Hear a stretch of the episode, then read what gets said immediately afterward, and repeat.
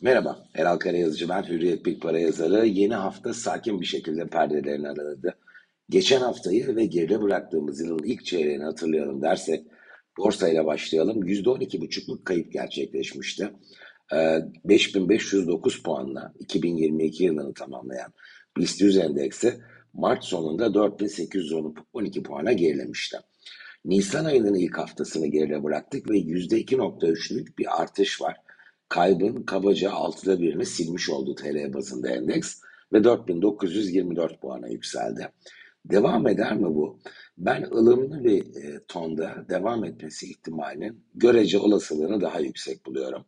E, kapanış 4924, 4890'da oldukça yakın bir seviye %0,7 kadar aşağısında ve 4820 puanda kabaca %2 kadar aşağısında bu da iki tane güç kazanan destek var ve bu desteklerin en azından kalıcı şekilde aşağıya geçilmesi riskini düşük buluyorum. Yukarı yönlü ılımlı pozitif seyirde ise ben seçim öncesi kesit olan bu 5 haftalık parkurda 5250 puan direncine kadar bu yükselişin e, sürmesinin mümkün olduğunu, en azından ihtimalinin daha yüksek olduğunu düşünüyorum. Diğer cephelere bakalım dersek, ilk hafta döviz tarafında da bir yükseliş var dikkat çeken. Zaten Mart ayında adım adım e, biz dolar TL'de o yatay stabil hali hissedilir ama yine ağır tonda bir yükselişe dönüştüğüne şahit olmuştuk. Nisan ayında bu sürüyor ve ilk hafta %0,4 dolar Türk lirası karşısında yükseldi.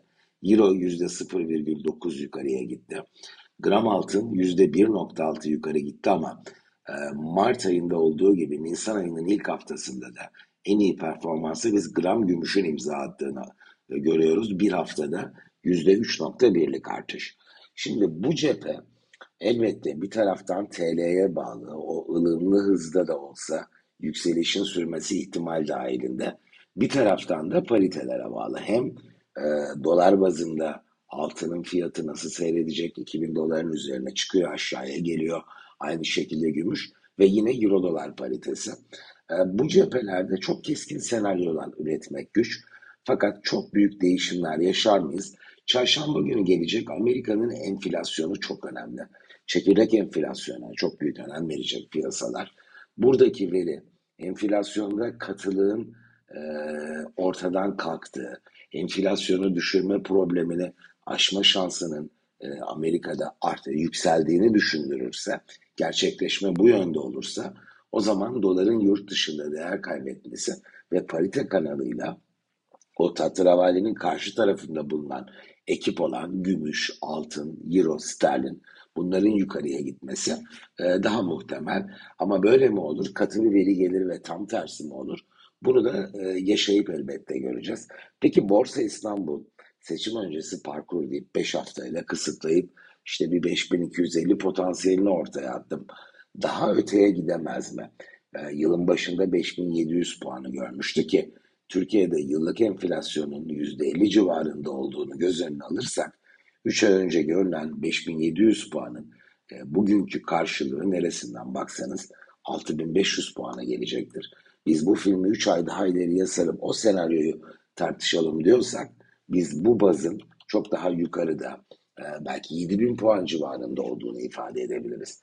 Ama Borsa İstanbul'un o reel bazdaki eski zirvelerine yükselişini sürdürebilmesi için bir takım şartların oluşması gerekiyor.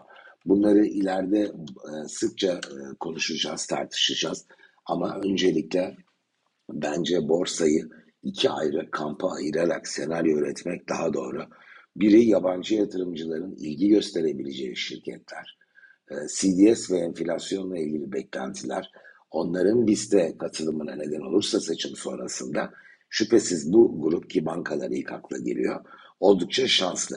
Fakat yabancı yatırımcıların başta yeterli e, derinliği, likiditesi olmadığı için ilgi göstermediği yerel katılımcıyla onların tercihlerine göre e, fiyat seyri oluşan şirketleri göz önüne aldığımızda e, Türkiye'nin küçük ölçekli şirketleri diyelim onlara da.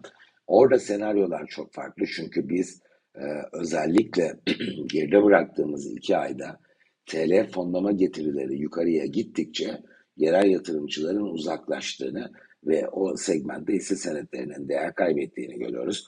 Seçim sonrasında e, bu alternatif maliyet diyebileceğimiz alternatif yatırım araçlarının özellikle de sabit getirili yatırım araçlarının e, vaat ettiği getiri ilk etkide seçim sonrası birkaç aylık parkurda bence domine eden taraf olacak ve biz iyi bir senaryo üzerinden gidelim dediğimizde BIST seçim sonrası yukarıya gidecek olsa dahi bir süre ben yabancı katılımının olmadığı şirketlerde e, kalıcı bir yükselişin yaşanmasının güç olduğunu düşünüyorum.